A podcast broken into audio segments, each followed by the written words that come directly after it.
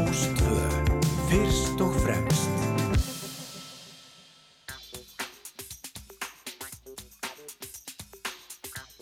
Komiði sæl og blessuð. Jæja, þá leggjum við að stað hér á Rástvö í þættinum fram og tilbaka. Ég heiti Felix Bergsson og hlakka til að vera með ykkur allt fram til tíu frétta.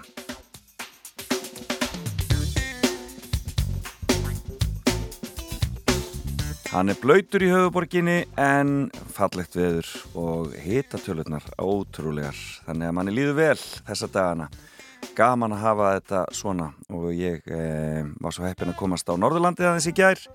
Keirið í Skagafjörðin uh, og við annan mann og það var dásamlegt uh, að, uh, að ferðast um landið okkar og eins og ég segi ótrúlegt hvað veðrið, veðrið er gott og gleðilegt en veðurfræðingur segir hér á heimasíðu veðurstofunar veður.is fyrirpart dagsins í dag má búast við söðurlægri átt 5-13 m/s með regningaða skúrum en það létti til um landi norðaustanvert og síðdægis lægir vind og stittur upp á mestu leiti og hitin 2-7 stig.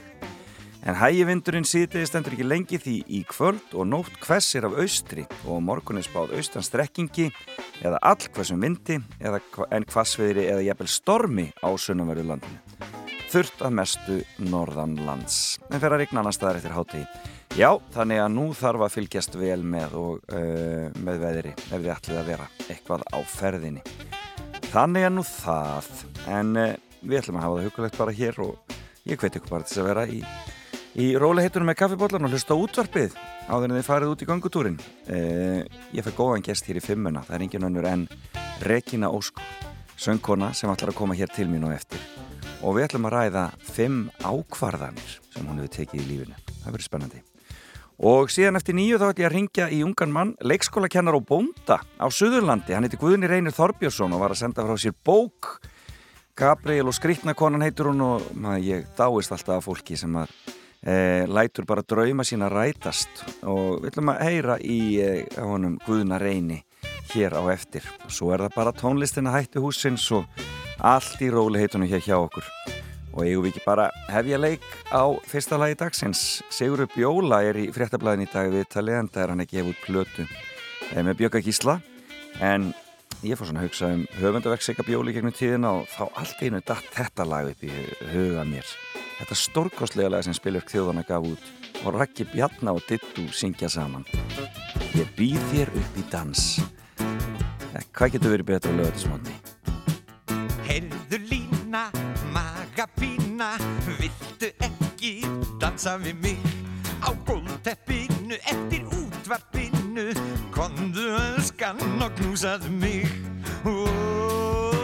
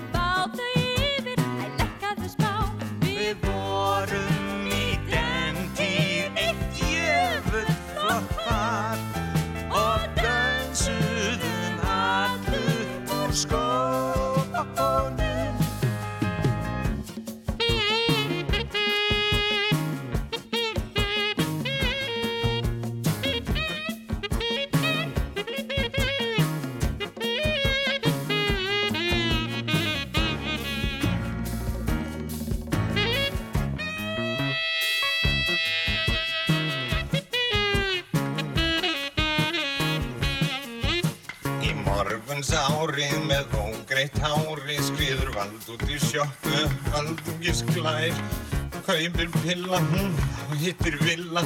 Ný skilin í bíltúr með dæturnar tvær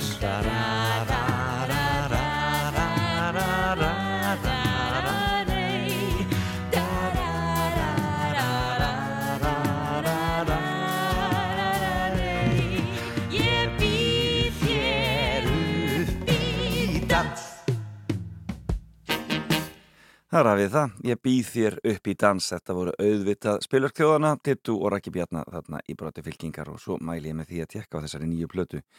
Þeirra Pétur Skíslasonar og uh, Sigurðar Bjólu, en gestur dagsins er komið til mín Regina Ósk, söngkona, hjartanlega velkomin. Þakka að kella fyrir. Þú ert Óskarsdóttir eða ekki? Jú. En þú notar það sjaldan. Uh, já, ég tók bara ákvörðun fyrir alveg mörgum, mörgum árum. Það nota bara rekin ósk, það er bara svona skýrara. Það er það svo sannlega. Og þegar maður þarf þó maður sér í Íslandi þá er maður svona með pínu svona listamanns nafnskilur. Já, akkurat. Þannig að ég var bara, að því ég var með óskan á milli, bara þetta er rekin ósk, það er bara svona skýrt. Akkurat, það vísa náttúrulega þá í pappaðinu. Já, algjörlega líka, sko. Þó að ég sé samt, sko, ósk er ekki bara svona út í loftið. Nei. Þetta er í höfuð á frængum minni. Já, já, já. sem að býr fyrir norðaði bjó sem heitir Ósk, þannig að þetta er ekki bara eitthvað svona út í loftið. En Regina er óvinnlegt nafn, sko ósk, óskaplega fallegt nafn finnst mér, ósvala, þarna, segir svo mikið í fáum, í fáum stöfum, en Regina er óvinnlegt nafn. Já, var það allan og er samt, það er, hefur ekki orðið svona alveg algengt, algengt. Nei, akkurat, en, ég- er það þýðu drottning, Það er sko drottning svo og sannarlega. mér finnst það bara geggja, ég er ofbáslega ána með nafnum mitt, Já. það er í höfuð á ömmu minni. Já, dásanlegt. Dásanlegt, en velkomin, gaman að fá þig hér á lögatarsmótni. Takk Ertu, fyrir. ertu að manneski, ertu morgun mað, manneskja? Já, frekar, já, Já. en stundum er í bæði og það virkar ekki alveg. Nei, það er svolítið erfið. Það er því ég þarf að vera náttúrulega líka, þú veist, að skemmta fram eftir og svona. Einmitt, Og er alveg, finnst það alveg fínt, en svona með aldrinum Felix er það erfiðara. nákvæmlega. að vera að syngja balli kannski til þrjú Já, náttúrulega líka þegar búið að alveg börn og vakna með þeim Já. alla tíð og svoleiðis, Já, já. nú kannski aðeins. algjörlega og nú er ég komið hund líka sem þarf að fara út sko. Já, sem þarf að sinna. þannig að ég bara, það er fyrst að ég gera mótnan að fara út með hundir sko. Já, akkurat, þetta er almennileg. en viðst þetta heldur manni bara á tánum Já, einmitt, það fólk, fólk elskar þetta sem já, eignast þessi dásamlu gæli. ég held ég myndi aldrei vera aðna Nei, aldrei, nei. en nú er ég bara all in Og byrju, hvað þýðir, hvað þýðir að fara út með hundin? Er það klukkutíma á dag? Er eitthvað við- Nei, nei, sko, það fer, sko, það fer eftir típunni, Já. við náttúrulega fengum okkur þannig típu sem eins og, eins og þeir sem eru inn í þessum hundum, fólk eru átt að segja að velja sér rétta típu með við fjölskylduminstri og Já. með við lífstílin. Já. Ég er ekki að fara að fá með labortu sem ég þarf að fara út í klukkutíma í senn bara mörgur sem að dag sem þarf alveg geggjaðir reyfingu, við höfum bara ekki tími í það. nei. En við fengum okkur svona dvergsnásir. Og hann er þannig að maður getur svolítið svona, hann aðlæðast okkur. Já, og ég fenn við förum með hann út kannski þrjus og fjóru svona á dag. Mhm, ef það er mikið að gera þá kannski er það bara tímindu kortir í hvers skipti. Já, ég skil. en svo gefum maður um, herri, já, hérna haldið maður klöktum ég ætla að fara út með geggja hvað er eins og í morgun ég var vötnum svo snemma ég þurfti að hugsa svo mikið fyrir hann að þátt. Ég fór út klokkan hálf sjö og var í hálftíma sko. Já, mér varst að geggja því að veðrið, halló! Sjöstega hitt eins og þú sagðir þú komst hérna, þetta er alveg magnað. Sko. En já, verkefnið, talandum verkefnið, Já. þú ekki bara vind okkur í það. Ég gef, gef gestum mínum alltaf verkefnið, við verðum að láta fólk vinna eins, að láta heila, heila kvarnina snúast aðeins. það fór allt á fullt Fór allt fullt, já, já, gott fór að heyra. fullt, sko. Eh, en það er þessi fimm og þín er fimm ákvarðanir, mjög skemmtileg. Já, ég fór alveg smá ringi, ég fór alveg það passaði nefnilega, sko, ég er búin að eiga fimm fastegnir líka, Já, en svo fannst mér þetta eitthvað svo leiðilegt Sigga Beintins kom með fimm bíla, það var sko ekki leiðilegt. Nei, reyndar ekki, hún er líka sem ekki Hún er svo mikil bílakelling, já, Mm. akkurat. En uh, eigum ekki bara að byrja þeirri fyrstu bara. Já, Hver fyrst, er fyrsta ákvörðinu sem þú vilt segja okkur fyrsta er nefnilega samt tengt fastegn það er Ok. þegar ég ákvað að kaupa mér mínu fyrstu íbúð Já, og hvað ertu gömul? það er svo langt síðan Hvað ertu gömul þá? Herri, ég er þá bara 20 og hvað, eins tökja Ég þú ert svona Já. ung þegar þú ákveður að kaupa bara. Já, 98, 9 Af hverju gerur það? Af hverju, hverju ákveður að kaupa? ég fer að, fór að hugsa um þetta allt einmitt. Maður Já. svona alveg bara aftur og baki í, í, í sögumanns Já, uh, ég var bara búin að leia hvað á tveimur stöðum. Og svo bara kemur svo hugsa maður bara, þú veist, æ, ég var svo skinsamur, svo boring, en samt verðum bara að gera það skilur og, og við áttum hérna, ég fekk náttúrulega átti tengdapappa sem hjálpaði. Já, og þá þurftum við náttúrulega ekki að eiga svona svakalega mikið eins og maður á í dag það er bara þannig til þess að komast þennan fastjarnamarkaðin já, bara en við náðum hann að kaupa íbúið Bergþóragutinni í dásamlegt. og ég hef ekkert farið af fastjarnamarkaðin síðan Bári að Súsi Bergþóru Götu. Já, reyndar ekki bárið svo Nei. það var bara stein, steinblokk nei. Akkurat, já, en það var, átti, átti þá íbúið alveg þangu til ég var ólétt sko, Já, 25 ára Einmitt. En þau voru ekki komið barnat á þessum Nei. tíma. þetta var bara, ég hugsaði bara vá, þetta er, nú á ég tvíta og dóttur ég sé bara ekki fyrir mér þetta, Nei, akkurat. skilur Nei, hún er bara eitthvað heima, bara ekkert að fara að fara sko, En þú varst byrjað að vinna þá svona uh, á fullu á þessum tíma. já, Hvar ertu alinu? árbænum Í Árbæ, þú ert Árbæ. ég er árbæðingur sko, Já, en einhvern veginn þó ég átti æðislega esku leirusvel í árbænum það hefur mig aldrei langað að búa þar eftir ég flytti sko, ég skil, en, en, en þér leið vel þar, já. mjög vel og ég Já. flytti mjög unga heimann sko, ég var 18 ára Og varstu í þá? alla mína tíð, tíð. 10 og- ár En fórstu svo í mentaskóla þá? ég fór í MH Já. og það var einmitt svona kveikjan að þessi sýst tíminu var að fara að flytja að heimann, Já, 20 já. að vera 21 eitthvað svoleiðis. Og, og þú fekk íbúð nýra snorabraut og hún var aðeins svo stór fyrir hann og kæristan Ég þannig ég flytt með þeim Já, að þegar nær skólanum. Einmitt. mamma var alveg tilbúin að hleypa eldri út. Hún var ekki Alveg- alveg ekki tilbúin alveg. með mig. En hún bara losnaði okkur báður í einu. Já, er þannig ég gæti alltaf labbað í skólan já, já. Það er náttúrulega dásan. en ég hef ekki flytt aftur heim heldur sko, þannig Nei. að þetta var svona byrjaði svolítið ung En söngurum var þarna alveg komin, þú varst konu fullt í söngin hann á þessum tíma. Já, 18 ára í eiginlega. þarna var ég að syngja á Broadway í, í, í síningu hverja helgi Já, þá myndi ég segja að þú hafi verið komin og fullt í söngin. Já, ég var hverja einustu helgi, sko. Já, akkurat. En hva, hvernig kom það til að þú byrjaði að, að syngja að syngja? uh, ég var í kór Ah. í árbæðaskóla hjá henni Áslegu Já. Bergsteinsdóttur svo byrjaði þarna svo fyndi að segja því ég segi dætur í mér frá þessu ég tók þessast þátt í fyrstu samfélssöngkeppni Einmitt, þá hétt hún akkurat. sko karaoke keppni grunnskóluna Já, og þá kom bara hérna Baldur frá Ölveri einmitt. með karaoke græjutnar Akkurat og stilti þeim bara upp. bara sjónmarpið og allt veist, Allir myndböndunum allir Akkurat. og ég tek þátt að því fyrstu bara, og ég tek þátt að því vinkunum mín er að taka þátt Já, svo já. náttúrulega bara vinn ég keppnir bara öllum Og þar með byrja bara boltin að rúla. og þá fattar áslög að tekum í pröfu e- einsöng ég man alltaf, við verum, erum svona kringum flýi líka vinkunum mínir og ég syng Amazing Grace Já. loka bara augunum og syng Já. þá ekki bara, opnaði augunum og það er bara ok, þá ekki fatta ég að ég kannski get sungið eitthvað meira en næsti maður Já, hafi rött. Já, og er það bara, og er svo einsöngur í kursins það sem eftir er. Já, já, já, já. Í árbæðaskóla. Já, tókum upp kassettu, Felix. Þið tóku upp kassetu, ég kannast við það, kannast við eitthvað við Svo það. langt síðan. Það er svo bara öðru lífi. Ha? En þessi fyrsta fastegn, er, Já. þá ertu, ertu konið í samband og að byrja að stofna fjölskyldu, eða hvað? Já, sérst, ég, hérna, þetta er 98-9, svona, ég bara rennur svolítið saman Einmitt. og hérna, svo verði ég móður hérna 2002. Já, dásan. Já, Svona líður nú tíminn. líði tíminn, Akkurat. 20 ár síðan. Já, en, en áttuðu þessa fastegn lengi? Áttuðu þessa íbúð lengi? Þarna Við áttum hann hann í þrjú ár, Já, að því mér fannst ekki, það var ekki svalir og mér langaði ekki alveg að þarna. nei, ég skil. Þannig að við náttúrulega fórum bara í Kópói Já. og ég er búin að vera þar síðan. Þannig að þú, varst, það, það, þú byrjar sem svona miðbæðaróta á, á, á Snorrabrautinni Já. og Bergþórugötunni. en Og lögavegurinn á milli, sko. og akkurat, en síðan bara Já. síðan hérna Útkverfið. útkverfið, beint út í útkverfið með, með batni Suburban Mom, Sub- skilur, útkvöra móðurinn, ég er búin að vera þar síðan. já, já, það er eins og það er ekki Desperate Housewives samt, Nei, sko. Real Nei, Housewife. real, já, akkurat, algjörlega akkurat. en fannst þið strax eh, menna, ertu, svona, ertu svona heima ég- að að skapa reyður, að skapa heimili Já, já, mér finnst það útrúlega, útrúlega mikilvægt af því við erum bara, eins og einhver sagði, ég fekk eitthvað tíma svona spurningu í hérna, einhverju spili, hvort myndir vilja eiga geggjaðan bíl eða geggjað hús, Já. alltaf hús, akkurat, þú veist, einmitt þarna er maður mest um stundum. nákvæmlega, leiðir lífi sínu en, en hvað er þið mörg? Hvað, ertu, hvað er þið mörg í heimili? Fimm, Já, það eldi mig þetta fimm, sko, já, en svo náttúrulega ég hund og kött, þannig ég segi sjö í dag. Já, þú tekur þau með Ég tekur með. nema hvað. Já, við erum fimm orðin. En hver er næsta ákvörðun sem hefur svona mikil áhrif? Það er svona, ég myndi segja að það var svona lífstíls ákvörðun því Já. ákvað, ákvað þess að ég var alveg tekið svona átöki gegnum árið, þú veist, og takað mér eitthvað kíló fyrir eitthvað sérstakt og lalala og Mhm. svo kemur þetta ekkert alltaf aftur svona búin að vera jói og svolítið svona í mörg, mörg ár.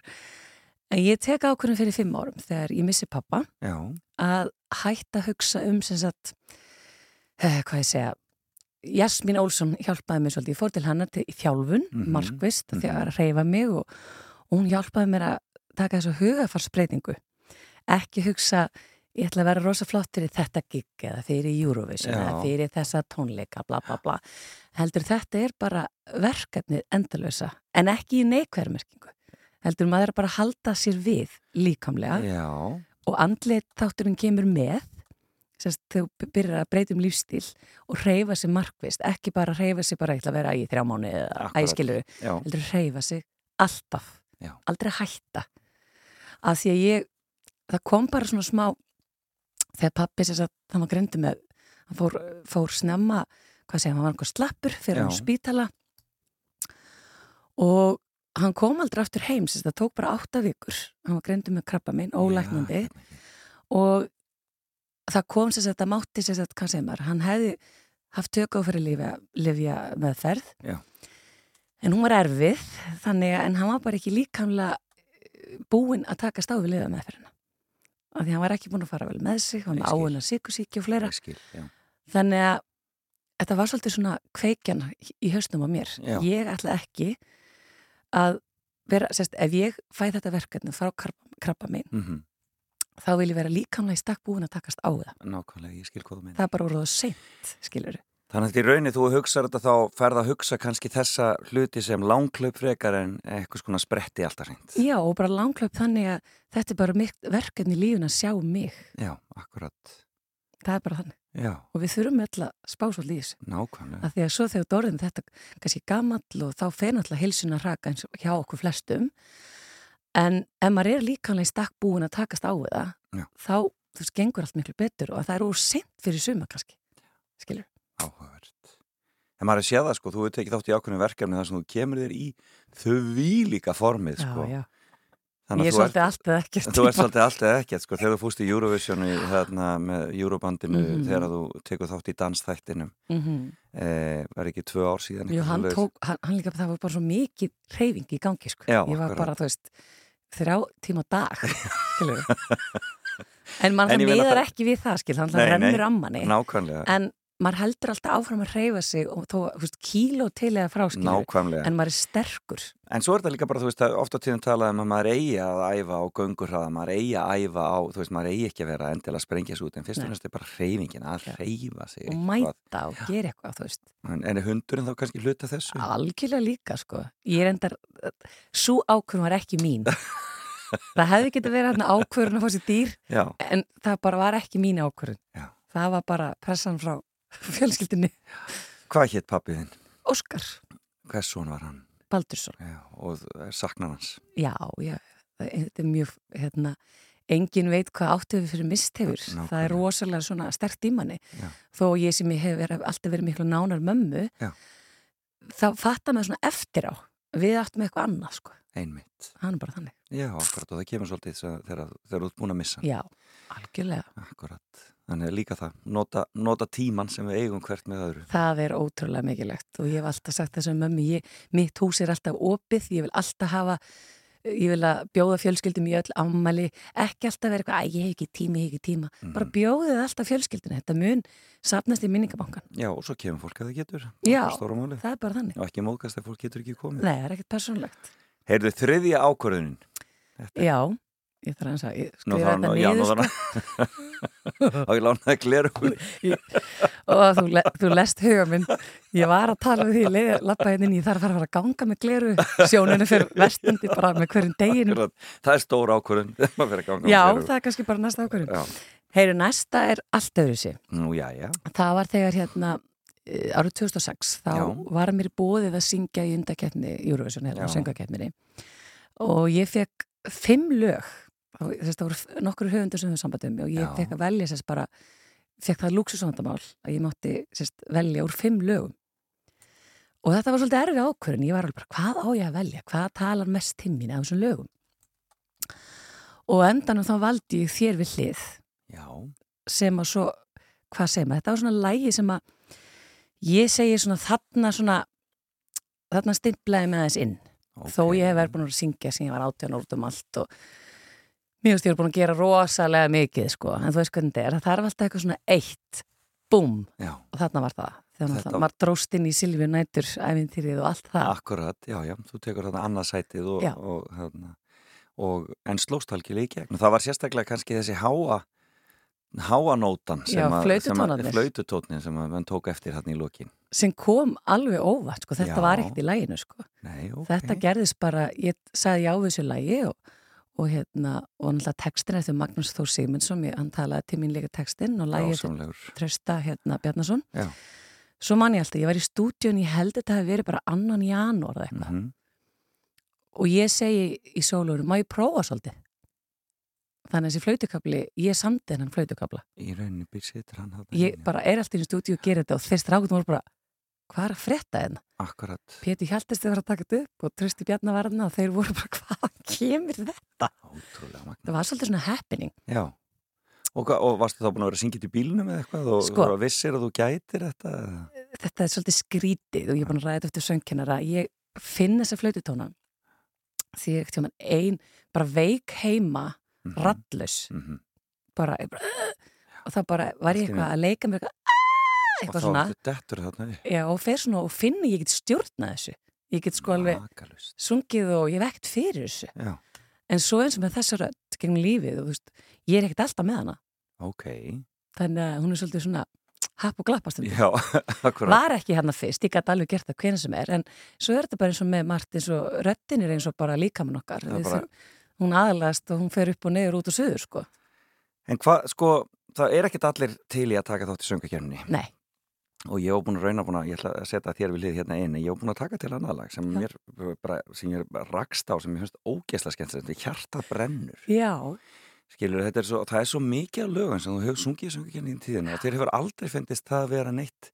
Þú hefur bara alltaf verið til í að vera með ef að lægið hendar þér. Ég hef að lægið þetta sko. Það, mér finnst þetta bara því að mér fyrir mér svo margir alltaf bara júru alveg sama. Þannig er maður bara að koma með nýtt íslenskt lag. Já. og ef þetta er ekki besti hérna, hvað sem að sviði til að performa það Akkurat, þú fær budget í það, skiluru þú mátt sviðsetja það, þú veist? Og þú komið nýtt íslenskt lag. Minna, hvað, get, hvað er að því? Veit- þetta er bara besta. veistu hvað þetta eru mörg lög?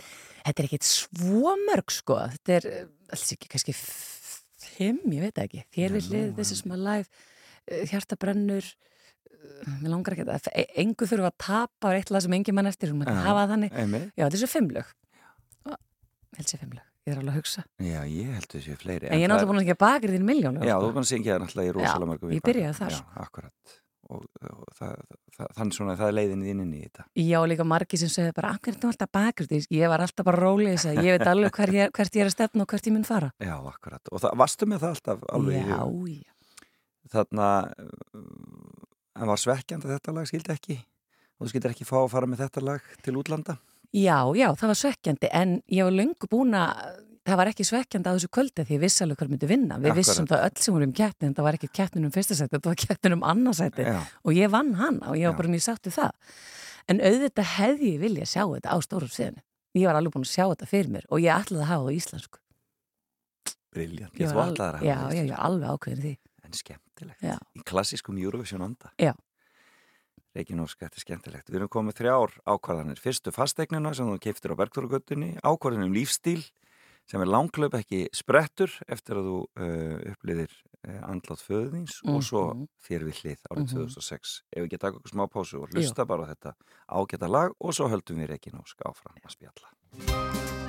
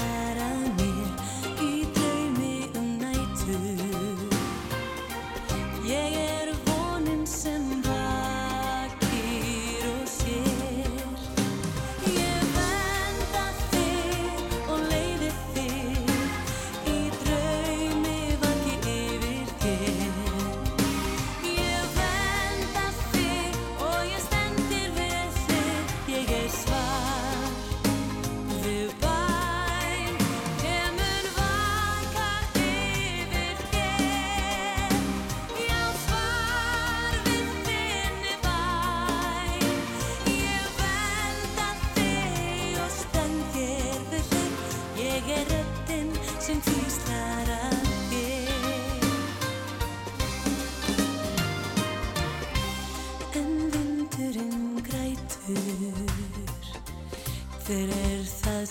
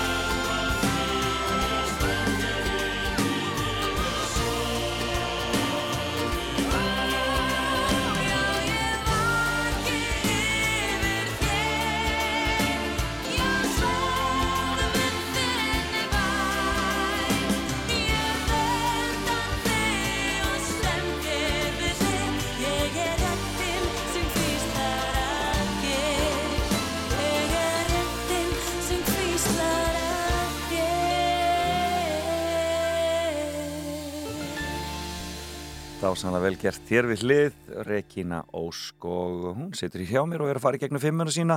Við erum búin með e, þrjár ákvarðanir og eigum tvær eftir og e, þetta var lagi sem að e, var það númið tvö í söngvakeppni árið 2006 en svo fóstu árið eftir, Tveimur árum eftir. tveimur Já. síðar, já, 2008. Ég og Freyrík sem sagt uh, stopnum Júrabandið þarna á þessum tímbili. Mm Gáfum út lagið, hérna, sérst, árið 2007 gáfum við út lagið við Sigrum að ári.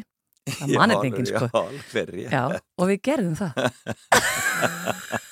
Ég er að segja, þetta er allt saman plan. Nákvæmlega vel planað. Já, þannig að Sigrum ári er hérna Making Your Mind Up, gamla Bugs Alveg Fizz lagið. rétt, já, ég man eftir þessu. Já, Við segjum að ári. Já, Þannig að um, þetta, var, þetta var svona um, þetta var söngakefni þessi 2008 kefni er náttúrulega svona sem er leng, verður lengi í minnum höfð hún var líka lengsta keppni sem hefur verið. Í, þetta var alltaf alveg bara styrla Þetta sko. þetta, var, 40 lög.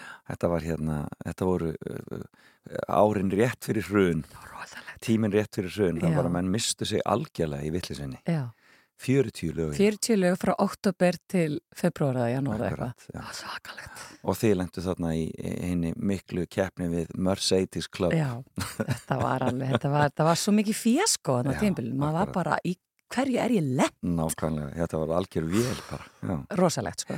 En Sigurum var mjög sætt, ég trúi því ég skal segja það. og stemning og Stemning. og eru þið ennþá að fara um og syngja þetta lag Veistu það, ég er svo ánað, það eldist svo vel já, akkurat og þetta er bara, já, og mér stæli bara meiri stemning núna heldur en bara hefur verið, já, sko. akkurat Það er bara, að- allir ég veit að það hefur verið að fara á svona eh, siglingar Já, já, eh, á, á, hérna, á Eistrasaltinu Já. og, og gera allskins með þetta en, en tekur þá þér við hlið líka í svoleiðis nei, ég hef ekki gert það. nú ekki, og, það- já, en þe þe nú eru sko Eurovision nördarnir þannig að þeir Já. þekkja oft á tíðan þessi lög Já, sem já. verið sko Nei, þetta hefur ekki verið eitthvað neginn þannig, þetta Nei. hefur verið svolítið svona, stuð, Meira partí, sko, já. og þá Eurobandið og tekið þessar sirspunnar og þetta Já, við tökum okkar, okkar lag og, og hérna svo tökum við náttúrulega bara, ég og Freyr náttúrulega kunnum þessi, öll þessi Eurovision fram og tilbaka. Já, þannig að Við erum professional Eurovision og þegar, sel, og þegar semla bætist við þá verður þetta, já, verður allt vittlust Já, og svo fórum við eins og saman fjögur, ég, Selma, Freyr og að það var rosalegt. það hefur verið, það hefur verið bara átt á mikrofónin Nei, við það var geggja. við erum alls góð vinir, þetta er engin barátt. ég er að grínast heyrðu, já, já, en það er fjóruða ákvörðinin já. hver var hún? Hún kemur frá móðu minni. já, Já, og mér fannst langa að taka þetta því að hún sagði alltaf bara að því að ég nú sér að vinnu, ég veit að fólk finnst það skrítið, því maður er vinnu fram eftir maður er að veislistýra, maður er með ball og svona. Að ég tók ákvörðun að drekka aldrei. Já, þegar ég er að koma fram, aldrei áfengi. Aldrei áfengi. Að það er bara, mér finnst það bara ekki eiga saman og það er svo auðvelt líka held ég þegar fólk byrjar á því að, að Þetta er bara, minnst þetta mjög stór og bara hef alltaf hal- haldið mig við þetta. Þetta er náttúrulega algjör ósiður í þessum bransa. Mér finnst drekka, það, þannig sko. að þetta er engum í huga að, að drekka meðan þeir passa börnin okkar eða Nei, ekki geta barnan okkar. Ég hugsaði eða, það líka.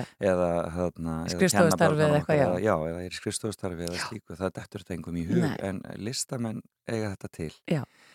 Mjög áhugavert. Ég ákvað bara að gera það því að þú ég drekki alveg svo leis. Já. Svo ég er ekkert eitthvað þannig en mér finnst þetta bara, finnst þetta bara óþægilegt og bara óþarfi. Og gott að geta ekki bara keirt heim eftir vinnu. Fyrir utan það líka, en líka bara vera bara í lægi. Nákvæmlega. Alltaf. Þarna, e, og, og, og þetta hefur alveg staði við. Alltaf. Já. Og mamma er alveg bara, Já. hún er rosaleg og ég bara, maður, ég, ég, ég er svo hlýðin. Þú segir fimm ár, þetta tengist kannski þá líka svolítið því þegar fæðin fellur frá eða svoleiðis? Nei, ég, ekki, ég sagði ekki fimm ár, sko. Nei. Þetta er bara, ég hef alltaf gert Þú þetta. ert alltaf gert Alltaf þetta? já, já, já, Alveg bara fyrir að byrja að koma fram. Akkurat. Ég man, hún kom bara mjög snemma tíminu og sagði, viltu passa þig? Já, einmitt. Og Alveg þú viltu tókst, passa þig? Já, og þú já, tókst bara þessu ákvörðu. já, já, alltaf. Það er náttúrulega, já, það er margir sem hefur orðið haldt á svellinu Já, já, já. í þessu. Og líka ég held ekki að segja, það er svo auðvelt að að bara eitthvað einn og svo bara, þú veist, missa það. Ég er bara ekki alveg til í það. Þú veist ekki til í það. Nei, ég er Já, ekki til í það. einmitt. En ertu að skemmta hvað, hvað þegar þú ert, sko ég veit að þú vinnur líka við kennslu. Já, ég vinn svo er mikið, sko, já, alls konar. Mikið, mikið, og er það bara, þú veist, þú ert að vinna alla vikuna í því. Já, ég vinn alla virka þetta að kenna, Já. svo syngi ég Hvar, hvar þá, jarðarförum með þína eigin, með þína eigin, eh, með þitt eigið fyrirtæki? Nei, ég er búin að vera, ég er skólastjóri. Já, Ég er í já. Búin að vera það síðan 19 ár, Felix. Það munar ekki. Mm Svo syngi ég jarðarförum mörgundum líka þegar það er byrð uppið. Akkurat. Og svo er ég vinna í Lindakirkju. Já, Ég er með fóreldrarmáttan þar á þriðdagsmátnum en skemmt. og sunnudagaskóla á sunnudum, ég og maðurinn minn. Dásanlegt, já. Ertu trúið? Ég trúi já. Já. En ég er, samt, ég er ekki svona, ég, ég þól ekki svona ástæki. Já, Bara get það ekki. þannig að Lindakirkja hendar þér vel. Já, eins og ég sagði líka, það er ekki hvaða kirkja sem er. Nei, Það, kirkjan er ekki þeim að fólki sem er í henni Já. og þeir sem stjórna. Já. Og fyrir mér er, er kirkja félagsmiðstöð já, með góðum gildum. Ég er alveg þar, sko. kærleikin og kærleikurinn og gullnuregluna þetta er bara svo basic bara bera virðingu fyrir náungunum og koma fram með eins og vilt að koma fram fyrir þig Dásanlegt. og bara þakklæti og kærleikur þetta bara, getur ekki verið fallegra Já, frábært. Þannig að þú átt sunnudagaskóla í fyrramálið. já, En er algjörlega það ekki stundum dálítið erfitt eftir, eftir lengstu kikkin? veistu það, ég mér finnst þetta svo lítið mál Já. ég bara, ég man að var soldist um erfitt, ég var búin að taka tvær svona stórar Einmitt. á lögati Mm og það var aðalega sko lappirnar á mér Já. Af því maður er á Svo mikið háum hælum dansað og mikið dansað. standandi upp á endan í marga klukkutíma Akkurat. að mér var bara illt, ég veist um ekki geta sopnað þegar verkjum í löpum. Já, þe- þetta er það sem ykkur konum er gert. Að vera á þessum hælum. já, já, Já. bara, þú veist, ég, ég mun samt ekki hætta þessu, maður er alltaf miklu flottara sko. gerir lappin fallegar, skilur við En er þetta ekki, er, hvernig finnst þér þessi veislustjórn og, og að hitta almenning svona á þeirra heimavelli, þeirra ásáttíðum og svoleiðis?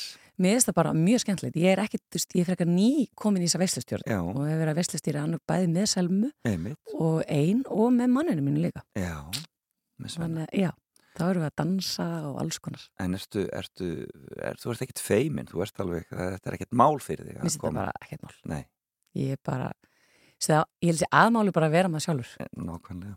það bara, um leiðum að fyrir, fyrir eitthvað hlutverk og gera eitthvað svona, þá er þetta eitthvað skrítið þá er þetta ekki ekta held sér sami útvarpi, Felix. Já, þegar maður er náttúrulega svona gæla í að Ekki að gera þessari stöð. Nei, nei, akkurat, á K100 já, og það, já, akkurat, það er já, já, þetta er allt, þetta er allt eitthvað. Þetta Já. er allt að maður þarf að, að hafa ákveðna leiðir á öllu. já, Heyrðu síðast ákvörðinin sem við ætlum að heyra frá þér. hún er bara finnst mér einn stæðsta sem maður gerir. Það er hjónaband, Já, já, já, af því mér finnst hjónaband eins óromantist eins og hljó, hljómbar, já, þá er þetta samt ákvörð já, og maður þarf að standa og falla með henni já, einmitt. af því að það er í blíðustriðu Og hefur þú tekið þessa, þessa ákvörðin hefur nú tekið eh, bara einu sinni eða hvað? Já. Já, bara einu sinni og ég tók hana náttúrulega ég, hann bað mín já, en ég náttúrulega sagði já, það er ákvörðun já, akkurat svo sannarlega. og svo þetta bara, þetta er stór ákvörðun af því þú ert að segjast alltaf eigða lífinu með öðrum, öðrum aðila Já. og deila glið og Já. öllu, fjármálum eh, bara andlit líka allt bara Já. að, og börnunum og dýrunum og öllu þannig að mér finnst þessi eins óromantist og hljómar þó náttúrulega er ástin líka Já. en þá er þetta ákvörðun sem Hver- að þarf svolítið að taka Hvenar gengur þið Svenni í hjónaband? það var einmitt sama ári í fórt í Eurovision Já, 2008, hann sagði ekki, já, maður varður bara neglana niður Já, minnaðan hægt er En hvað voruð þið búin að vera lengi saman þá? Herru, við kynnust nefnilega, þetta er svolítið spes. Hann segir líka alltaf þegar ég er að kynna ef ég er að syngja þér við hlið. Já. og hann segir líka alltaf sem er alveg satt. Ef ég hefði unnið og farið út Mm þá hefðum við ekki kynst Já, af því ég, þetta var 2006 já, og ég var stödd hérna á Akureyri í, hérna, apríl og ég hefði örgulega aldrei verið þar ef ég væri að fara út sko, ef ég Já. að fara þá væri ég bara einhverjum undirbúningi eitthvað þar ég, þannig að þið voruð í, voruð í, voruð á, hei, kynnast á, kynnist á Akureyri? kynnist bara svona típist kynnist í sjálfánum á Ekoballi 2006 Já, einmitt. Varstu að vinna þá fyrir norða? Nei, ég var með að bara í skemmti fyrir með honum fyrir ekki á maður vinn mínu Ok. hann var að syngja með Guðrun Gunnars á Húsavík og Já. ég bara heit, kem bara með þér, ég veit að gera og mér leiðist og Já, fer bara með þeim og er á tónleikonum með kallakóratna og, og hérna. Og erum svo bara komið seint, við erum bara svona aðeins allum að kíkja eins við og ekko. Kynnist honum svo. Oh, en skemmt, var, en Svenni var náttúrulega að byrja að syngja þannig á þessum tíma? Já, rétt, jú, jú, hann var byrjað að syngja búin að vera með hljóðastinni byltingu sem svona Já. balsöngvari, Einmitt. en ekki komin alveg, þú veist, Já. í bransan eins og hún er í dag, sko Akkurat. Þannig að þið, svona, þannig að þið höfðu þó miskusti þetta sameigilega áhugamál sem tónlistin var. Já, Frýrik bendi mér á hann sko því hann kannast við vinnan sko, hann sagði bara, sér þannig hanna? Já. Og ég bara, já, wow, bara, þetta er ykkur ungu strákið, ég bara, hver er þetta? Og sko, hugsa ekki tvisar, sko. Já. Hann var sko, mér finnst hann bara að vera bara ykkur stráklingur, sko. sem hann var, hann var bara 22, sko. Já, akkurat. einmitt. Svona er þetta. Já, en þú átti fyrir að samband að baki. Já, ég átti náttúrulega, var einsta móður hérna, sko, Já, akkurat. 28 ára gömul. Á, dásanlegt. Já, Svona getur nú lífi komið aftur af hann. já, en þetta var líka ákvörðin, sko, ég átti pí- pínu öruð með þetta, sko. Til að byrja með. Já, ég bara, uff, er þetta alveg lægi, sko. Já. En þetta er allt saman ákvarðanir. það já, allt saman ákvarðanir. Já, Og hjónabandi, eh, semast, já, hann er 24 þegar þið giftið ykkur síðan. já. Bara dásanlegt. og hefur staðið, staðið, staðið tímans törn. Ákvarðanin hefur staðið. Já, 15 ára næsta ári, sko, þannig að þetta er... Já, þetta er bara þessi, mér finnst þetta einn stæðsta ákvörðin sem maður tekur. Nákvæmlega. Það er mikið framöndan, ég veit ert að fara að halda stóra jólutónleika. Ég glattist svo að sjá að þú væri með Ómar Ragnarsson þetta með þér þar.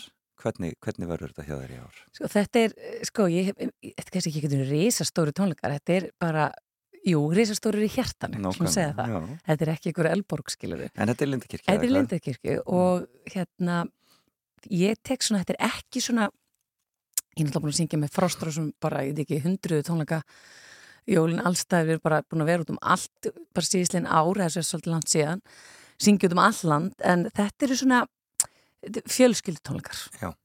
Ég alveg, þetta verður bara, ég er með 60 manna barnakór, rúlingakór, hljómsveit, ég er með danspör, litli strákur minn er að dansa með, við sína dömu, Þetta ásennlegt. miðjan mín er í unglingakórnum, elsta mín kemur og syngur og að syngja allir, Svenn er í bandinu, syngur, Já, þannig að þetta verður svona fjölskyldu. fjölskyldur, klokkan sjö á miðjögutaskvöldi, Já, Eyvi Kristjáns kemur líka og, og kannski, já, svo verður svona leinigestur og bara, þetta verður bara gleði. já. Og Ómar ætlar að syngja ógrílaðu þetta. Ég ætla að fá hann að syngja ógrílu og, og, kannski gátt að þefur gæjist. Já, akkurat, Já, það veitir já, ekki. ég vona það, ég hlaka hrikala til, sko.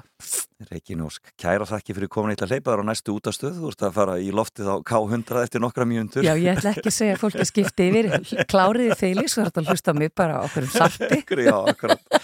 En kæra þakki fyrir komin og takk fyrir að deila fimmunni þinni með okkur. Takk fyrir mig.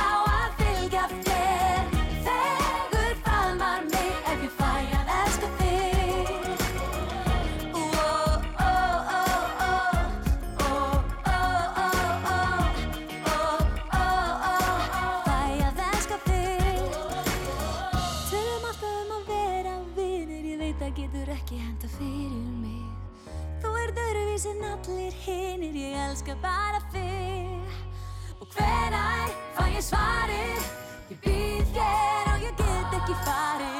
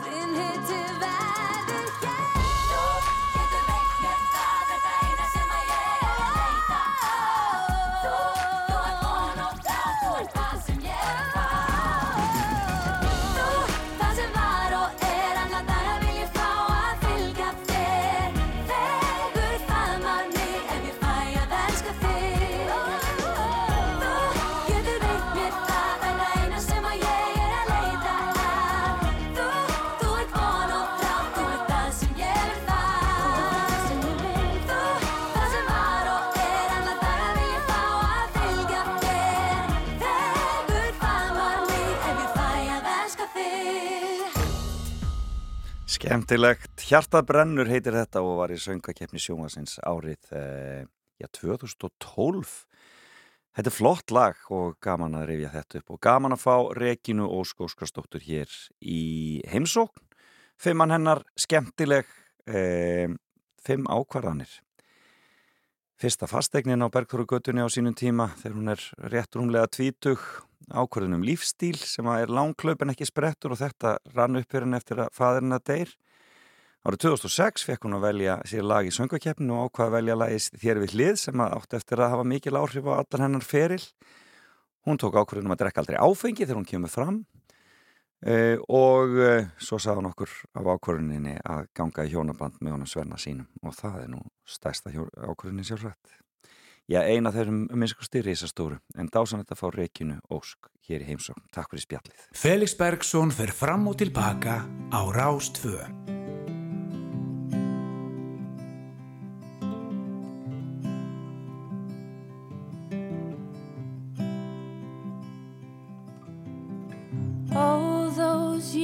Ago, down by a dusty road, where I first laid eyes on you.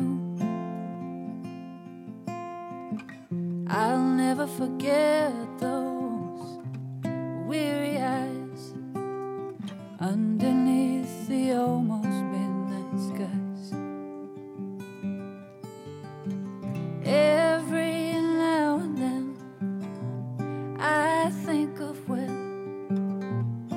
I first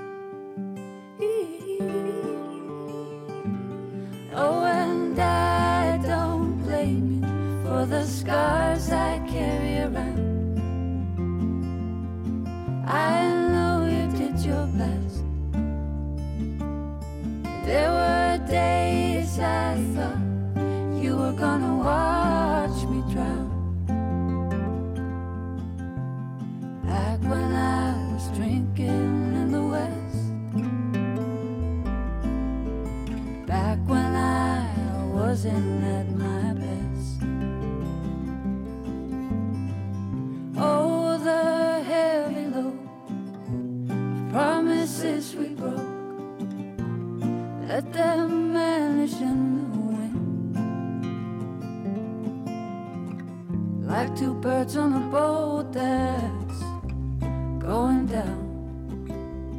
All we had to do was fly away. Sometimes from dusk to dawn, my mind will be wandering on. Let God's mirrors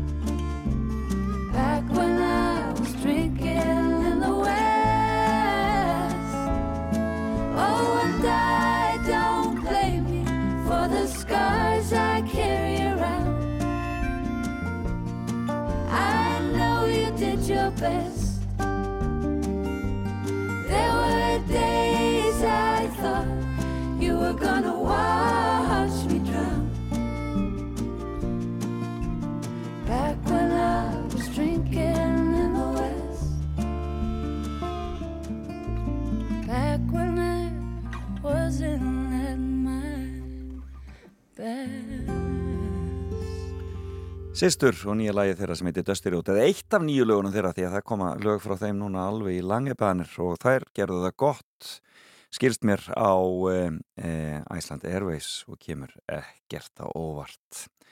Frábærar e, tónlistakonur þarna á ferðinni og e, e, já, mikill fjölskyldu vinnur og einhver sem hefur sungið mikið með fjölskyldunni til dæmis með móður þeirra.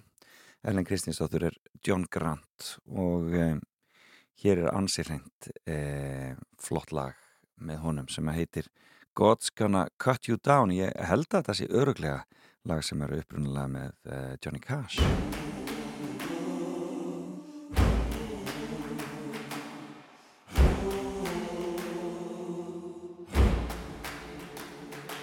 You may run home for a long time, run home for a long time. You may run home for a long time.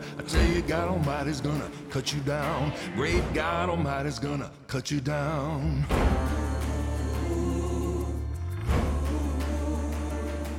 Go tell that long-tongued liar. Go tell that midnight rider. Tell the gambler, the rambler, the backbiter. Tell him God Almighty's gonna cut him down. Great God Almighty, let me tell you the news. My head's been wet with the midnight dews. Now I've been down on my bended knees, talking to the man from Galilee. My God spoke, he spoke so sweet. I thought I heard the shuffle of angels' feet.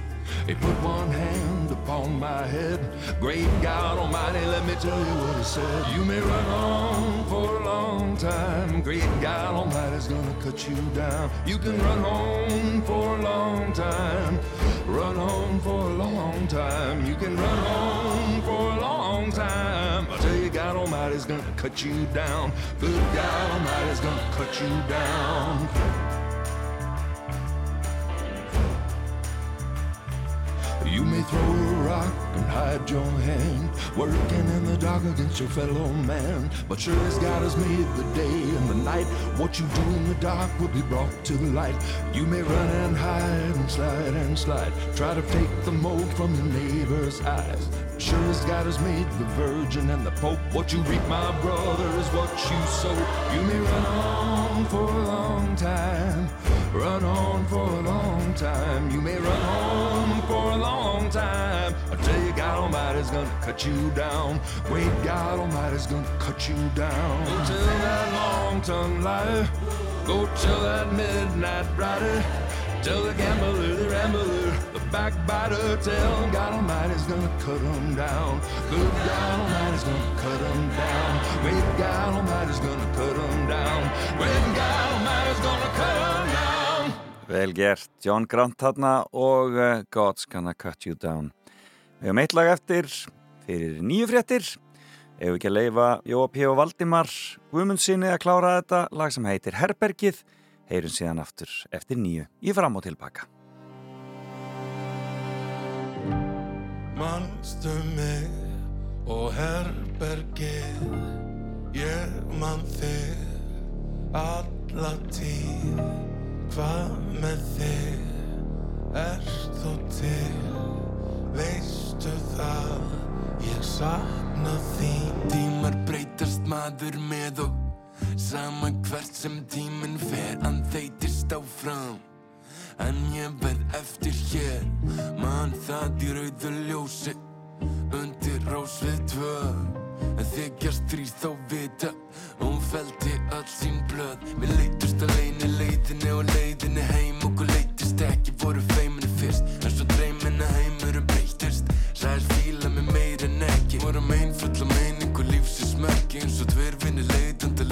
merki Út í geim síðan heimandi reif og gætti Gleymi, seiðandi breym og snerting Elska mig, elska mig ekki Elskar að hafa mig, hafa mig ekki. Vakinu dabur í tala við veggin Fram að mig allt gólf, blaðið og eggin. Manst ekki mann hvað ég fann inn og finn ekki leggin Í herbyrgi tómu, fjórveggja engandi skrítið í tómunu Finnst ekki þekka mig. Einmanna einsam allt er kjöft af blekkingin. Tímanni breytast og maðurinn með og Saman hver tíminn svo fer Veitist hann áfram og tíminn til komin að. Við skiljum það eftir hér því að Lífið það skiptist í parta. Sólinn og myrkri svarta Bögdur á fingur, fimm steinum skarta. Regnbó stjarna og feril til hjarta. Manstu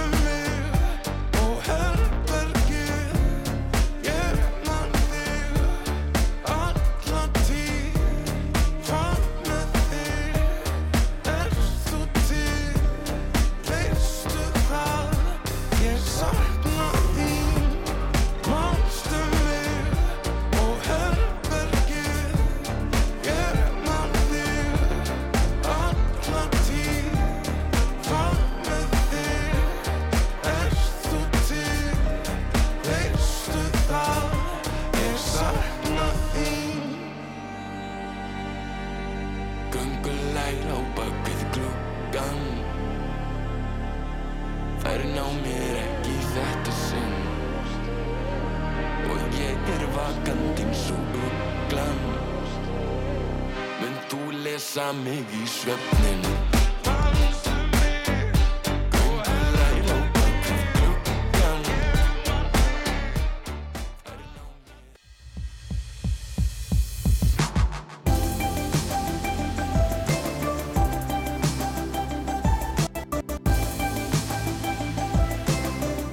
höldum áfram á Rás 2 til að hlusta þáttinn fram og tilbaka. Ég heiti Felix Bergsson, hef setið með ykkur hér síðan klukkan 8 í morgun og verð með ykkur alveg til 10 frétta.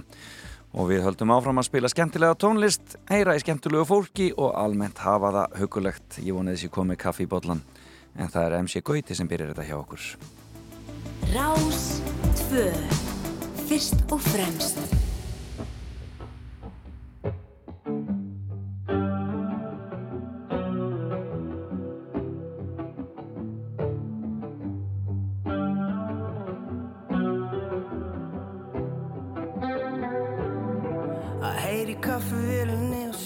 móti þér með bolla Það gerir mig glaðan, hvað klísja er það?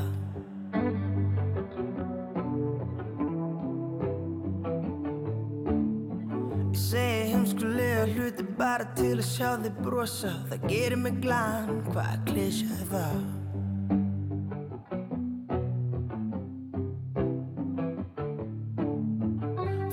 Kossin var í kirkjugarð og þá byrjaði nýtt líf með þér Hvað klísja er það?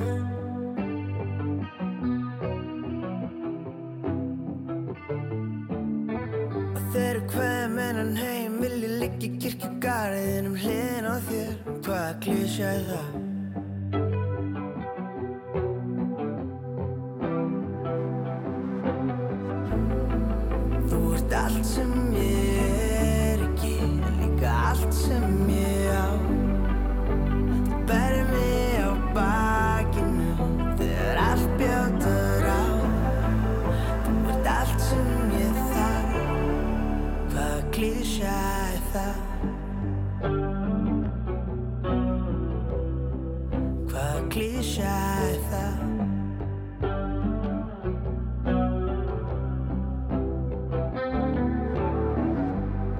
Vorum bestu við mætti amor og gerðið mig greiða Hvaða klísja er það?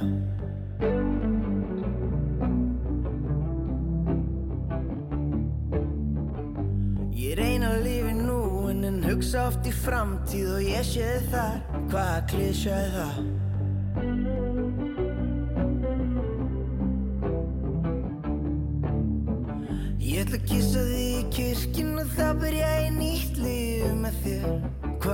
Hvaða klísja er það?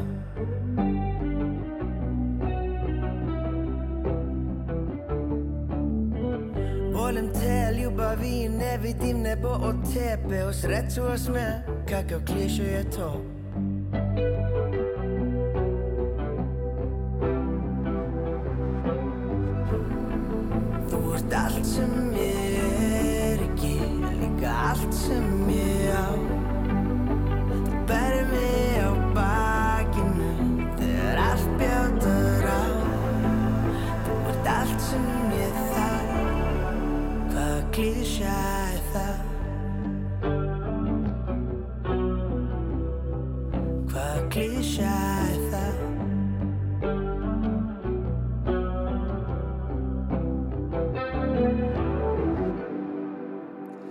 Glísja, þetta er að sjálfsögðu MC Gauti og hann er einn af þessum gestum sem hefur komið til mín og farið í fimmu hér e, í fram og tilbaka. Það var dásanlegt að fá hann hér á sínum tíma. En það var Rekin Ósk sem var hjá mér í morgun, e, annar, annar söngfugl og e, gaman líka að fá hana eins og alltaf. Svo indælt að vakna með fólki á lögutasmotni og láta renna kaffi í botlan og, og, og rappa síðan bara í róliheitunum. Þannig á þetta að vera. En áfram með músikina, það líður að því að við ringjum aðeins uh, austur í uh, Árnesíslu og heyrum í þar kraftmiklum ungum bónda og leikskólakennara sem heitir Guðnir Einir Þorbjörnsson en það verður hér eftir smá stund en aðeins tónlist á undan. Hér er Madonna. Time goes by so slowly. Time goes by so slowly. Time goes by. Þetta er skemmtilegt. Þarna er nú aðeins að vinna með ABBA en þetta er auðvitað Hang Up.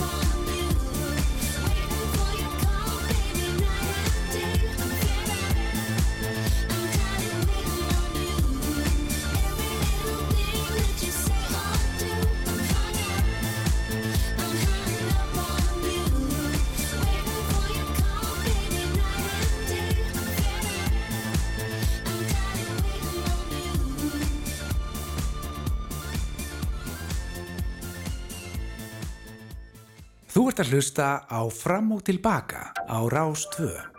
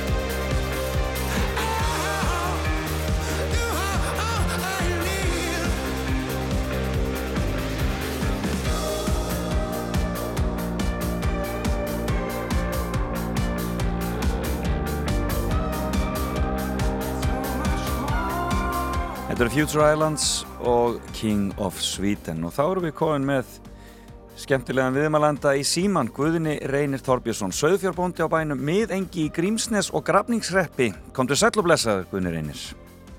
Sæl og blessaður. Já, gaman að heyri í þér. Ég hitti þig í vikunni og þú ert að koma með nýja bók, mér finnst það svolítið skemmtilegt. Þú er ekki nóg með að sérst að vinna í leikskóla og sérst Söðfjárbóndi heldur að finnur þig líka tíma til að skrifa. Hvað er, hvað ert að skrifa?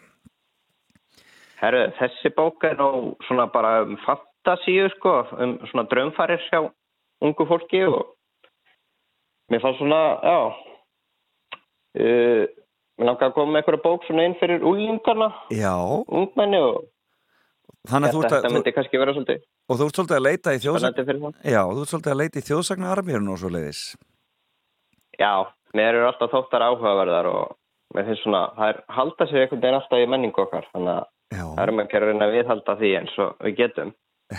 Skemmtilegt, en nú ertu, ertu aðalega að vinna með litlu krökkunum eh, frekar en unglingunum eða hvað?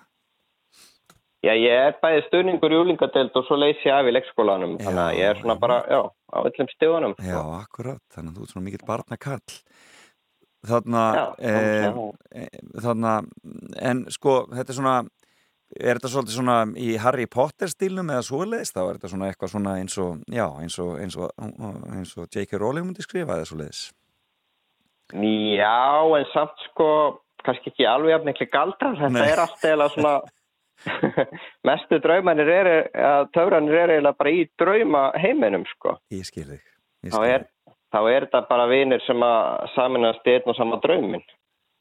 Og það eru svona ævintýri sem að, í svona þjóðsagna heimi.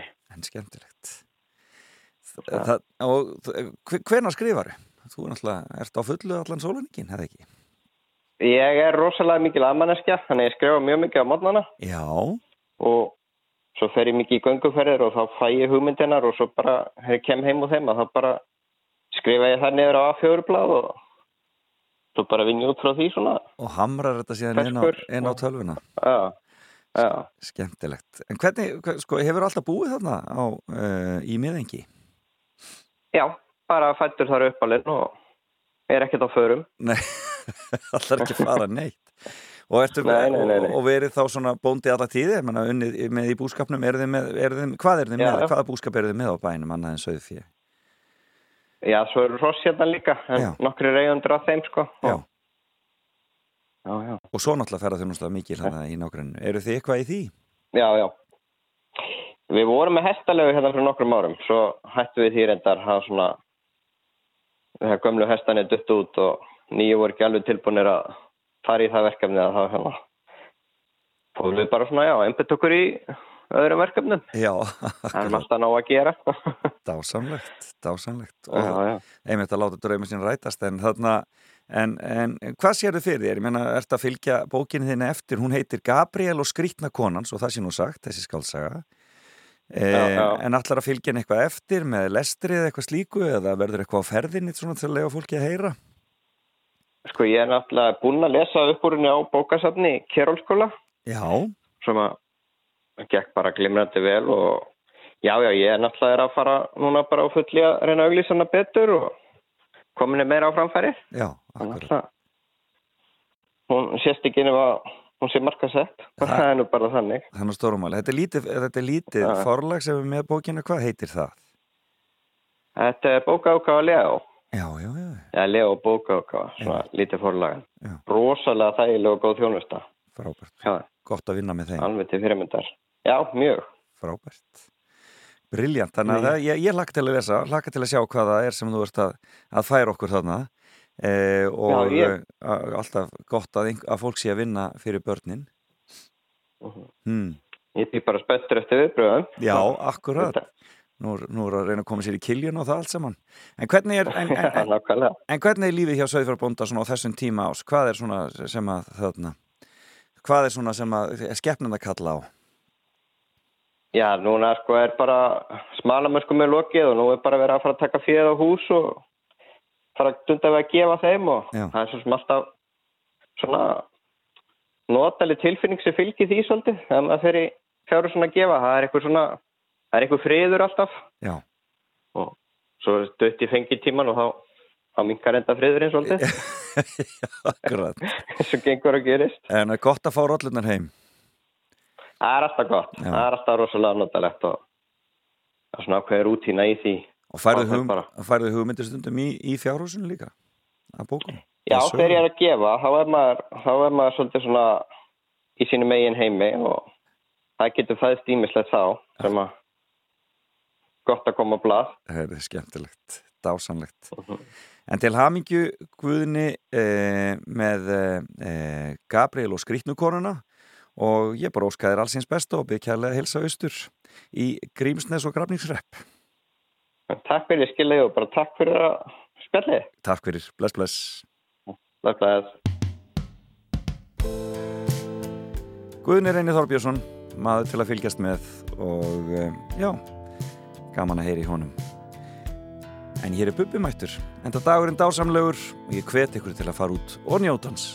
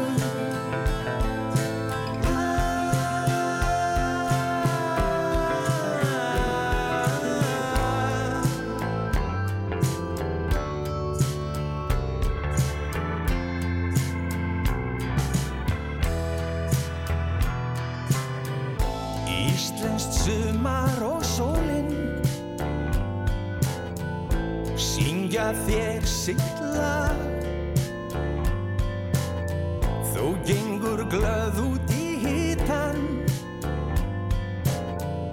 Inn í draumbláan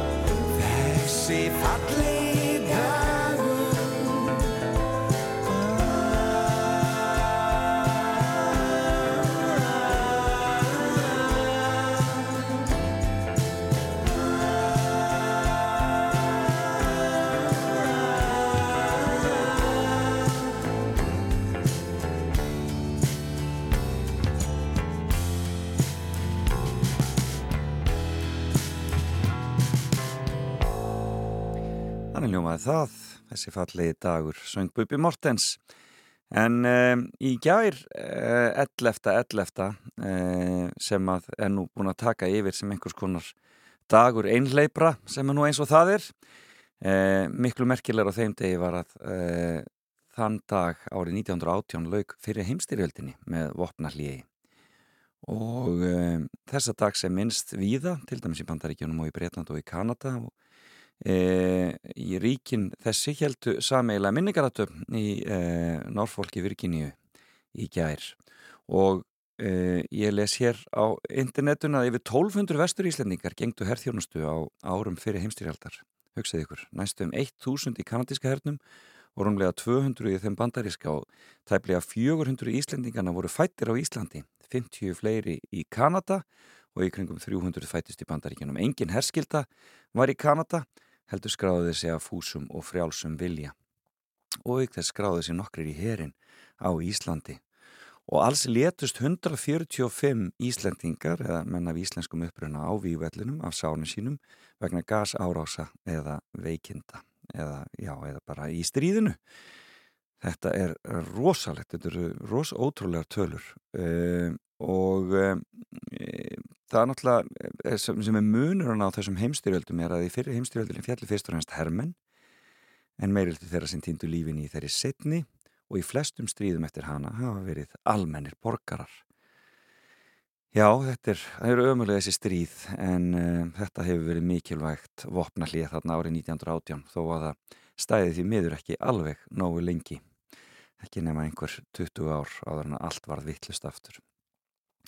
Já, ég ætla að kíkja hérna aðeins og eftir á það sem gerist á deginum en þetta var í gær en við skulum kíkja hér eftir það sem gerist á deginum í dag en aðeins meiri tónlist og Cranberries eru næst.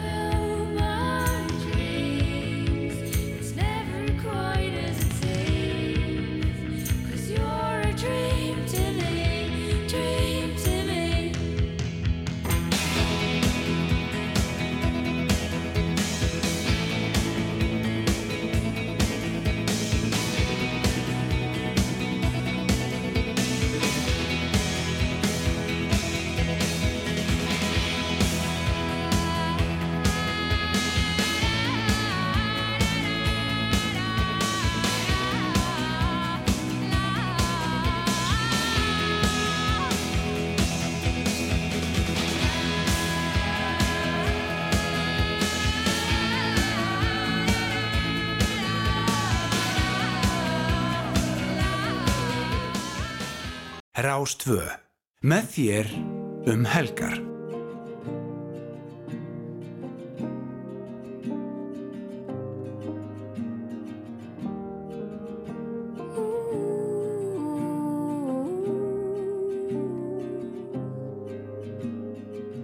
Fyrirgeðu ég var stutt í spuna held ég að ég ekki heyrt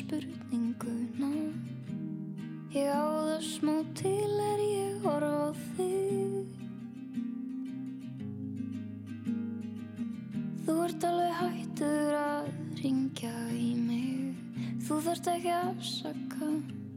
Ég skil þig Þú skuldar mér ekki neitt. Þú segist vilja vera vinur minn. En allt sem ég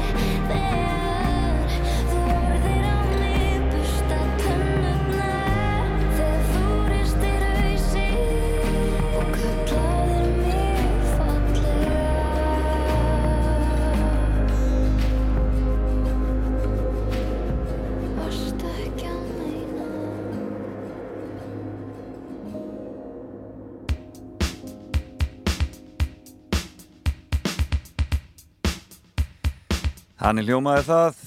Vinir heitir þetta lag sem við vorum að hlusta á en þetta var að sjálfsögðu hún Elín Hall. En uh, ég ætla að kíkja aðeins á hvað gerist á þessum degi sem er 12. november Það er 316. dagur ásins og um, það bara styttist eins og vera ber. Nema hvað. Það er ímislegt sem að uh, gerðist á þessum degi og við förum bara beint inn á 20. aldi- öldina því að bladamanna ávarpið var sett fram af rítstjórum sex helstu dagblada á Íslandi e, og e, síðan var það 1940, þetta var 1906 og svo var það 1944 þegar þúsundir fórust þegar þýska skipið Tirpitz stökk fyrir utan, sökk fyrir utan Tromsö í Noregi hrikaleg hrikalegar uh, senur í þessari ömulegu styrjöld sem setni heimstyrjöldin var 1965 Kvassaleiti var settur í fyrsta skipti miklu gleðilegra. Og um, 1967 já, Flatey og Skjálfanda fór í Eyði er síðustu tíu íbúðarnir fluttustadan þar höfðu 100 manns búið fáum árum áður. Svona gerist þetta. Um, Geimkönnunar farið Voyager fyrsti komst næst Saturnusi árið 1980 og uh, árið 1981 ákvað enska biskupakirkjan að það mætti heimila víkslu kvenna. Og hvað voru góðir strákarnir að leifa stelpunum að vera með alveg ótrúlega göfugir þessar elskur. Já, já, já, já 1987 fyrir 35 árum Metsöluplata Bjartmann Skuðlussonar í fyllt með fullornum kom út, ég þannig að finna að laga henni hér á eftir. Mamma geiflar alltaf munnin og það allt saman dásamlegt. Fyrstu fórsetakostningar voru haldnar í Brasilíu frá 1960 semst í 29 ár. Það var þannig 30 ára tímanbíl sem voru ekki haldnar eina fórsetakostningar sjálfsagt verið einhver her, her stjórn þar en um, það voru haldnar í Brasilíu árið 1989 og vorum við nú að upplifa einast líka núna um daginn. Jájá, árið 1990 hefði fræga mál þegar uppkomst að popduetin Milli Vanilli hefði ekki sungið lögin á nýjastu plötunni sinni. Og það var rosalegt mál og endaði nú bara einlega með ósköpum. Við segjum ekki meira um það. 1991 Íslenska stálfélagi þá var tekið til gjaldtróta skipta og e, 1994 Guðmundur Árni Stefánsson baðast lausnar sem félagsmálur á þeirra og tók rann við Guðmundsdóttir við ennbættinu það var nú mikið mál á þeim tíma 1994 á þessum degi. Um, e, árið 2001 brann ein af eldstu kirkjum Svíð, Svíðþjóðar e, gamla kirkjan í Södra Róta og e, og Asjuleikarnir hófust á þessum degi árið 2010 í Kína. Og ári eftir þá sagði Silvíó Berlusconi af sér sem fórsættisráþara í Ítalíu en er hann ekki bara komin aftur að valda köllunum að kjöt köllunum, mér sýnist það e, og árið 2019 þá byrti, byrti Wikileaks Samherjaskölin sem fjalluðu meintar mútugreislu sjárútars fyrirtækisins Samherja til namibískar stjórnvalda í skiptum fyrir veiðileifi við strendur Namibíu. Það máli nú vist enn í gangi. Já, svo er það ammælisbörnin, það er nú ekki mikið hér, þetta er allt saman einhverju kallar. Rodin, franskur myndtökvari, hann fættist á þessum degi ára 1840 eh, og eh, já, einhverjir fleiri eru hér. Eh, Ryan Gosling, kanadísku leikari, fættist á þessum degi 1980 en það eru nokkra konur hér, Margaret Martinsdóttir, bladamaður og, og fyriröndi starfsmaður okkar hér á Rás 2, hún á ammæli í dag. Helena Ólafsdóttir, knaspinnikona hún á líka ammæli í dag. Og Sigurlaug M. Jónasdóttir darskogerðarkona á Rás 1 og í sjónvarpinu og eh, við óskum öllum þessum ammælisbörnum til hamingju með daginn. En það var eitt í viðbót sem átti ammæli þessum degi. Og það var Grace Kelly, hún fættist 1929 bandarísk leikona og var síðan fyrstafrú í Monaco hún átti ammæli þessum degi. Dó síðan árið 1982 var mörgum mikill harmdauði. En um, nafn hennar lifir. Til dæmis í þessu lagi með honum Mika og látu við þar með umfjöldunum daginn lokið Do I attract you? Do I repulse you with my queasy smile? Am I too dirty? Am I too flirty? Do I like what you like? I could be wholesome, I could be loathsome, guess I'm a little bit shy. Why don't you like me? Why don't you like me without making me try? I try to be like Grace Kelly, mm, but all her looks were too sad. Tried a little Freddie. Mm, I've got an entity mind.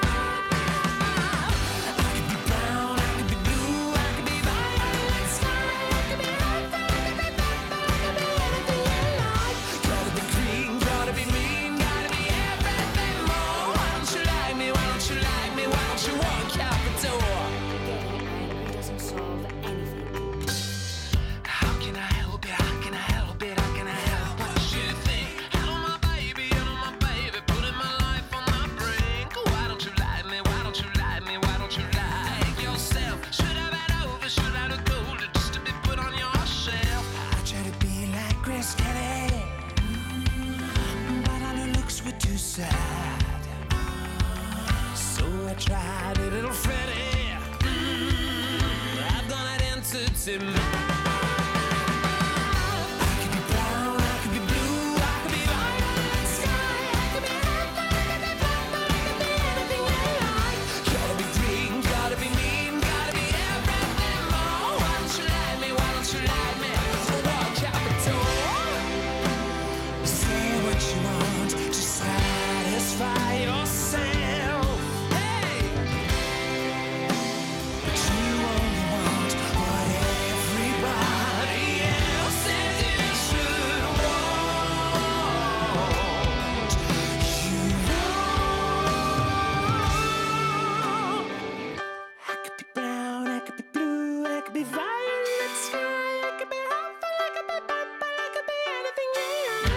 gotta be clean, gotta be me.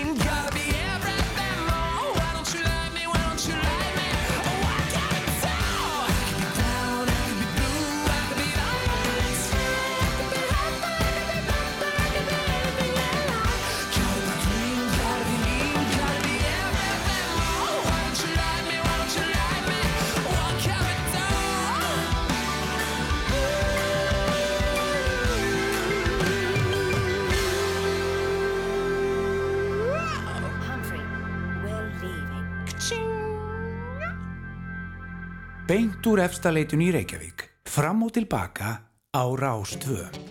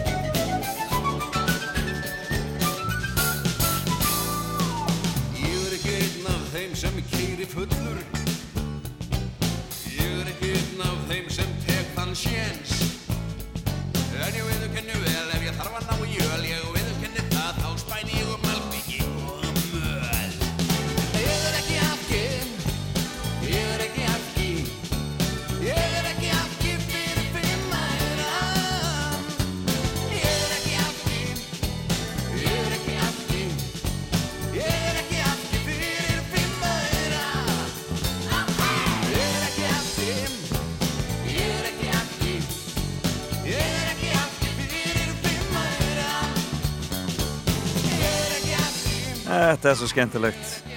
Bjarnar Guðljósson og 35 ára gömul í fylg með fullofnum og þetta var að sjálfsögðu ég er ekki allt í.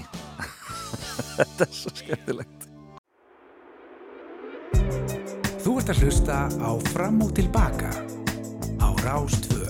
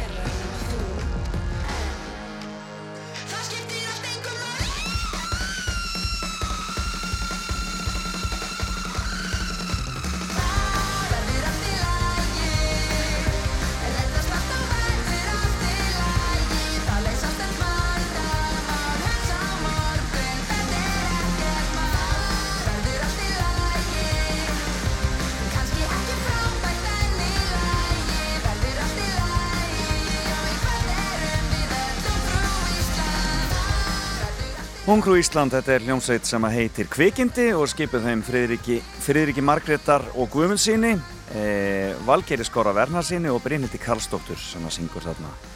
Hún er á mikill í lista fjölskyldu dóttir Karls Ágúst Úlssonar. Það er, um, er mikill kraftur í þeim e, þessari fjölskyldu þessa dagana og e, Karl er náttúrulega klára síninguna sína um e, Fýblið í Tjarnabíói og Brynhildur að gera frábæra tónlist með hljómsveitinni sinni Kvikindi.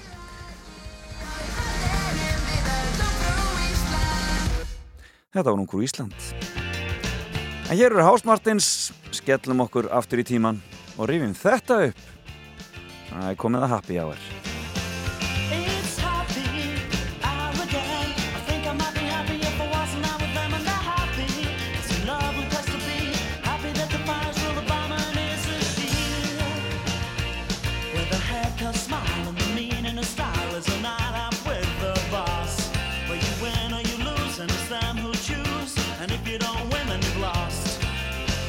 What a good place to be. Don't believe it.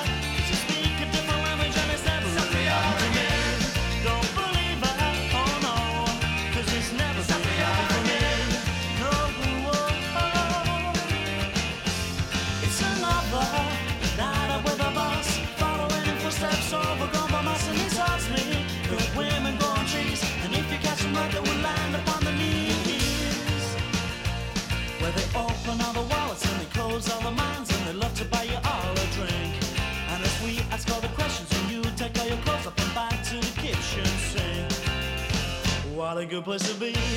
Don't believe it. 'cause you speak a different language and it's never really happened to me. Don't believe. Oh no. 'cause it's never been happened for me. No.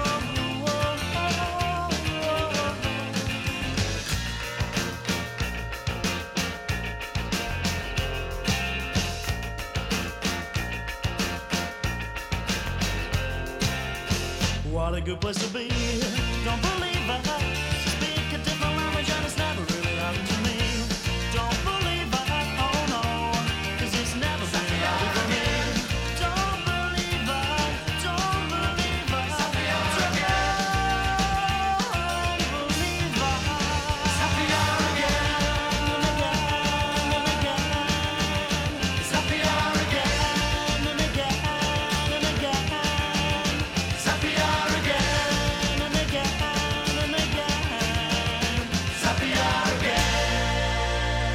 Já, þetta var góð sprengja hér í lokin. Já, þetta voru Hás Martins og Happy Hour. Þetta er búið hjá mér í dag í fram og tilbaka. Ég þakka viðmannandi mínum Reginu Ósk, Óskarsdóttur söngkonu sem að kom hér og sagði okkur á fimm ákvörðunum í lífi sínu í fimmunni og svo var það Anguðinni Reynir Þorbjörnsson, bóndi á Suðurlandi sem er að gefa út bókina Gabriel og skrítnakonan, gaman að heyra í honum líka. Það er hann Jóhann Alfreðsen tekur hér við í þættunum hennar Sölku og ætlar að sitja í hennar sæti í dag og svo auðvitað er það allir það ekki eftir hátíð og svo reykur þetta sig. Verið með okkur áfram hér á Rástvö en Felix Bergsson þakkar fyrir sig í dag og ég hlakka til að vera aftur með ykkur eftir viku. Bless, bless. Þú ert að hlusta á Fram og Tilbaka á Rástfö.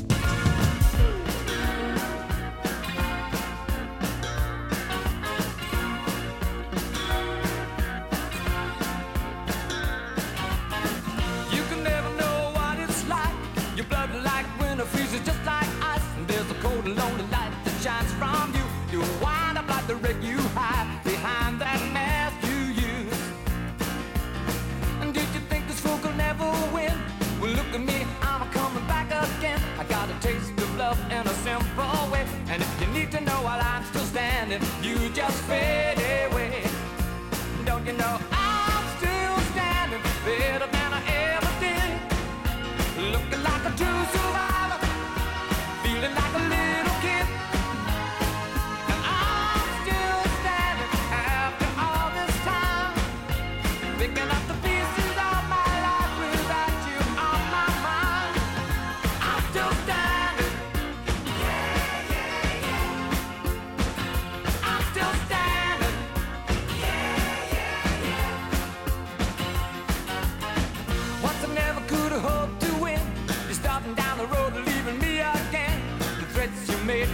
cut me down. And if my love was just a circus, you'd be a clown